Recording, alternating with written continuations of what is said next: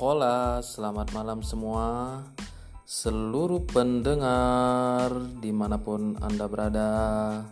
Dan selamat Hari Kartini untuk semua perempuan Yang terus berjuang di jalan kalian masing-masing. Oke Malam ini untuk memperingati Hari Kartini saya akan membacakan artikel yang bertemakan Hari Kartini. Nah, ini dari mojok.co. Nah, ini teman-teman kalau baca mojok.co ini tulisannya santuy-santuy dan ya nggak bakalan tegang kalau kalian membacanya mengulas isu dengan bahasa kekinian. Oke, kita mulai saja. Judulnya ini mengulas mojok mengulas tweet dari Permadi Arya. Siapakah Permadi Arya? Ya, kalian tahu sendiri siapa dia. Kalau nggak tahu silakan cari sendiri. Judul Perjuangan Ibu Kartini dikerdilkan oleh Permadi Arya menjadi sebatas cadar versus kebaya. Permadi Arya adalah contoh bahwa laki-laki masih tidak memahami emansipasi dan ironisnya diteriakan tepat di hari Kartini. Permadi Arya yang kita sering lihat di Twitter sebagai Ed Perma, Permadia Permadi aktivis membuat cuitan kontroversial Cuitan itu berisi ucapan selamat hari Kartini. Lihat sendiri aja deh, bingung, sumpah jelasin cuitan sampah kayak gitu. Ini cuitannya ya. RA Kartini bisa nangis di alam baka kalau tahu kebaya mau diganti diganti cadar. Selamat Hari Kartini dengan hashtag Kartini Day. No debat. Permadi mereduksi makna cadar hanya mentok sebagai simbol penindasan dan poligami. Ini antara sebuah olok-olok dan kegoblokan dari orang yang dipuja banyak orang. Rasanya begitu kerdil ketika kita bilang wanita bercadar adalah wanita tertindas.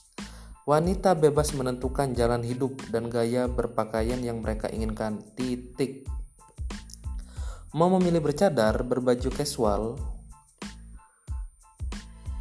atau memakai rompi cunin ketika kuliah bebas. Kita harus pakatin ini dulu. Cadar punya sejarah panjang. Cadar nggak muncul tiba-tiba, sudah ada semenjak zaman jahiliyah yang berarti sudah ratusan tahun. Nabi Muhammad SAW pun tidak melarang penggunaan cadar. Kenapa tiba-tiba Permadi merasa bahwa dia punya otoritas untuk berkata bahwa cadar adalah simbol poligami? Tuduhan cadar akan menggantikan kebaya pun amat sangat bodoh. Saya tidak mau menutup mata bahwa kampanye khalifah yang marak belakangan punya tujuan untuk mengganti ideologi Indonesia. Namun hingga kini eksistensi kebaya tetap tidak goyah. Andaikan eksistensi kebaya menghilang pun saya yakin bukan cadar penyebabnya. Bisa jadi suatu budaya akan tergantikan oleh budaya baru. Sedih sih, tapi hal itu bisa terjadi. Kebaya akan diganti pakaian yang lebih praktis, logikanya seperti itu. Permadi Arya tidak bisa menempatkan mana yang pilihan, mana yang ideologi, dan mana yang simbol. Kalau bercadar pasti pro poligami. Kalau bercadar pasti pro kalipa. Kalau bercadar pasti benci kebaya. Seakan-akan cadar itu menentukan kadar kebaikan dalam diri seseorang. Padahal bisa jadi wanita bercadar karena dia memang ingin, tidak ada paksaan, tidak ada merasa tertindas atau tertekan ketika mengenakan cadar. Pun ada kok wanita bercadar yang menolak poligami. Yang lebih jahatnya lagi adalah menilai kadar keimanan seseorang dari sebatas pakaian, seakan-akan kebaya dan cadar itu gambaran iman. Padahal kita perlu menelisik hati diri sendiri sebelum menilai orang lain. Masa kadar keimanan dan kebaikan diukur dari pakaian? Konyol. Sekali lagi saya ingin menegaskan kalau Ibu Kartini nggak pernah memperjuangkan pakaian, tapi buah pikiran. Kita saja yang hobinya mereduksi sebuah nilai dan menganggapnya sebagai sebuah kebenaran. Rasanya miris kita berbicara tentang semangat Kartini sebatas urusan pakaian yang yang melekat. Kita harusnya berbicara tentang kesetaraan. Kita harusnya berbicara mencari solusi menghilangkan pernikahan di bawah umur kita harusnya berbicara tentang wanita yang masih dianggap objek. Kita harusnya berbicara tentang kesetaraan upah. Cuitan Permadi Arya itu menunjukkan satu hal bahwa hingga sekarang masih banyak laki-laki yang tidak paham emansipasi. Masih banyak laki-laki yang merasa tahu bagaimana seharusnya wanita berpakaian. Dan ironisnya justru diteriakan di hari Kartini. Saya laki-laki dan saya malu dengan cuitan Permadi Arya itu dari mojok.co sekut sekut sekut ini memang Permadi Arya ini siapa sebenarnya hmm oke okay, kita lanjut ke Vice Indonesia. Biasa Vice Vice pasti mengikuti isu terkini. Ini cuitannya juga eh cuitan lagi artikelnya juga agak berbeda ya. Dari yang lain Mojok dan Vice ini melihat sesuatu isu dari sisi yang berbeda. Sisinya apa? Ya sisi sisi yang nggak kepikiran ini judulnya juga bagus nih. Alasanku membenci hari kartini. Loh kan kok gitu ya? Judulnya aja alasanku membenci hari kartini. Judulnya ya. Gini deh Kartini itu ikon feminisme terbaik di negara kita. Tapi kenapa hari perayaannya malah diisi acara lomba masak sama dandan? Waduh aku langsung bilang terus terang aja deh aku benci hari Kartini maaf maaf aja nih aku nggak benci Kartini kalau Kartini sebagai sosok historis penggagas emansipasi perempuan asal Rembang era kolonial Hindia Belanda jelas aku kagum padanya dia keren banget aku tuh bencinya sama ritual perayaan Hari Kartini yang dilakukan saban tahun di Indonesia. Apa alasannya? Nih aku jabarin satu-satu. Seperti banyak perempuan lainnya di negara ini, aku masuk sekolah negeri. Di lingkungan sekolah itulah aku mulai mengenal ritual absurd dalam rangka merayakan Hari Kartini. Misalnya saja rangkaian perlombaan mulai dari parade kecantikan dan busana adat, menari, lomba memasak, atau membuat kue gila ya semuanya aktivitas domestik bagi yang tidak pernah tertarik dengan semua ajang gemerlap tingkat SD negeri itu paling-paling bijak adalah ikut parade baju adat dengan mengenakan baju adat aku punya lebih banyak waktu santai serta tidak harus menyanggul rambut dalam acara tahunan hari Kartini semalam sebelum hari H aku akan selalu merepotkan keluarga karena kelimpungan mencari baju adat sewaan. Biasanya kalau tidak kehabisan aku cuma kebagian sisa-sisa baju sewaan. Ini sering bikin nenekku kesal. Kenapa nggak bilang dari kemarin atuh? Kata almarhum nenekku. Kan gurunya udah bilang dari minggu lalu. Biar bisa nyewa dari kemarin. Karena selalu dapat sisa, baju paradeku selalu paling apa adanya. Aku masih ingat teman sekelasku bernama Husna pernah memakai kostum tradisional perempuan Bali yang bagus sekali. Sanggulnya memanjang sampai ke pundak dengan eksen benang keemasan di helai kainnya yang mengkilap dan gelang-gelangnya dan gelang-gelang emasnya berupa helai daun melingkar di tangan. Bibirnya merah sewarna dengan buah ceri dan bulu matanya tiba-tiba lentik dalam semalam menyapu ruang kelopaknya. Aku jadi seperti gelandangan jika dibandingkan dengan setiap kali pawai hari Kartini. Aku sejak dulu selalu bertanya-tanya, kenapa sih merayakan hari kelahiran perempuan idola seperti Kartini malah bikin ribet? Acara, acara tahunan itu menyedot banyak uang untuk sewa baju dan dandan. Hari Kartini juga membuatku sebal karena teringat pada ibuku yang selalu bekerja. Jadi aku jarang bertemu dengannya. Aku sebel karena tak ada ibu yang mendampingi saat hari Kartini, membuatku kesulitan pinjam riasan, merasa kesal karena tidak pernah diajari memasak, menjahit dan bikin kue. Hal-hal yang tampaknya wajib dikuasai perempuan setiap kali perayaan Hari Kartini. Ibu justru mengajarkan hal-hal yang tidak pernah berguna untuk merayakan Hari Kartini. Misalnya saja pelajaran menulis surat, mengatur uang jajan, mingguan sejak aku masuk SD, atau ibu pulang ke Bandung seminggu sekali. Dan memintaku agar berani bertanya kalau tersesat di jalan. Hasilnya setiap kali lomba tahunan hari Kartini aku pasti selalu kalah. Jika ukuran sanggulku, sanggul dan lezatnya kombinasi bumbu siap saji dan MSG dalam perlombaan hari Kartini adalah ukuran perempuan seutuhnya di Indonesia, maka aku jelas-jelas tidak masuk hitungan. Ternyata bukan cuma aku yang punya sentimen negatif secara kita selamanya merayakan hari Kartini.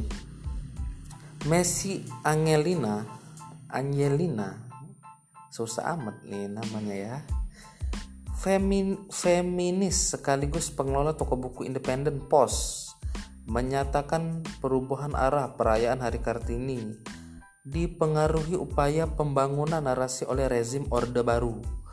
Lagi-lagi pemirsa Orde Baru. Rutinitas lomba dandan, memasak serta keharusan memasang sanggul yang Jawa sentris banget baru muncul pada era 60-an dan awal dekade 70-an. Beberapa berbeda sekali dari acara pada Presiden Soekarno berkuasa.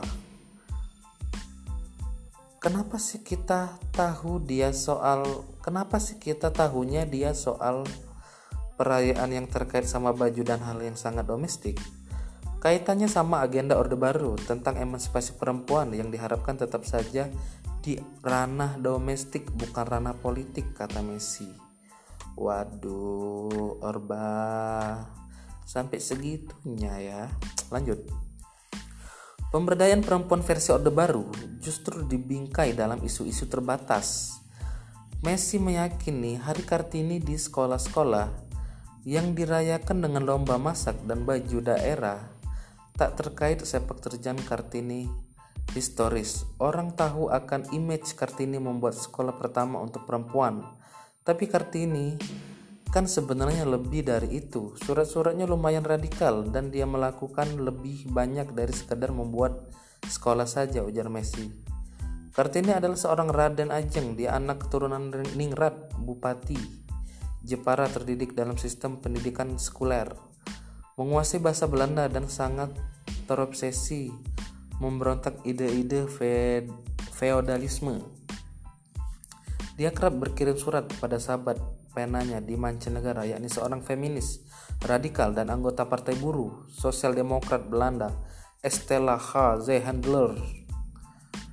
Kepada sahabat penanya penanya itu, Kartini rutin membalas ketimpangan kolonialisme yang menindas gender bicara soal kelas dan perihal ras berkulit coklat yang berhadapan dengan para kulit putih yang dominan.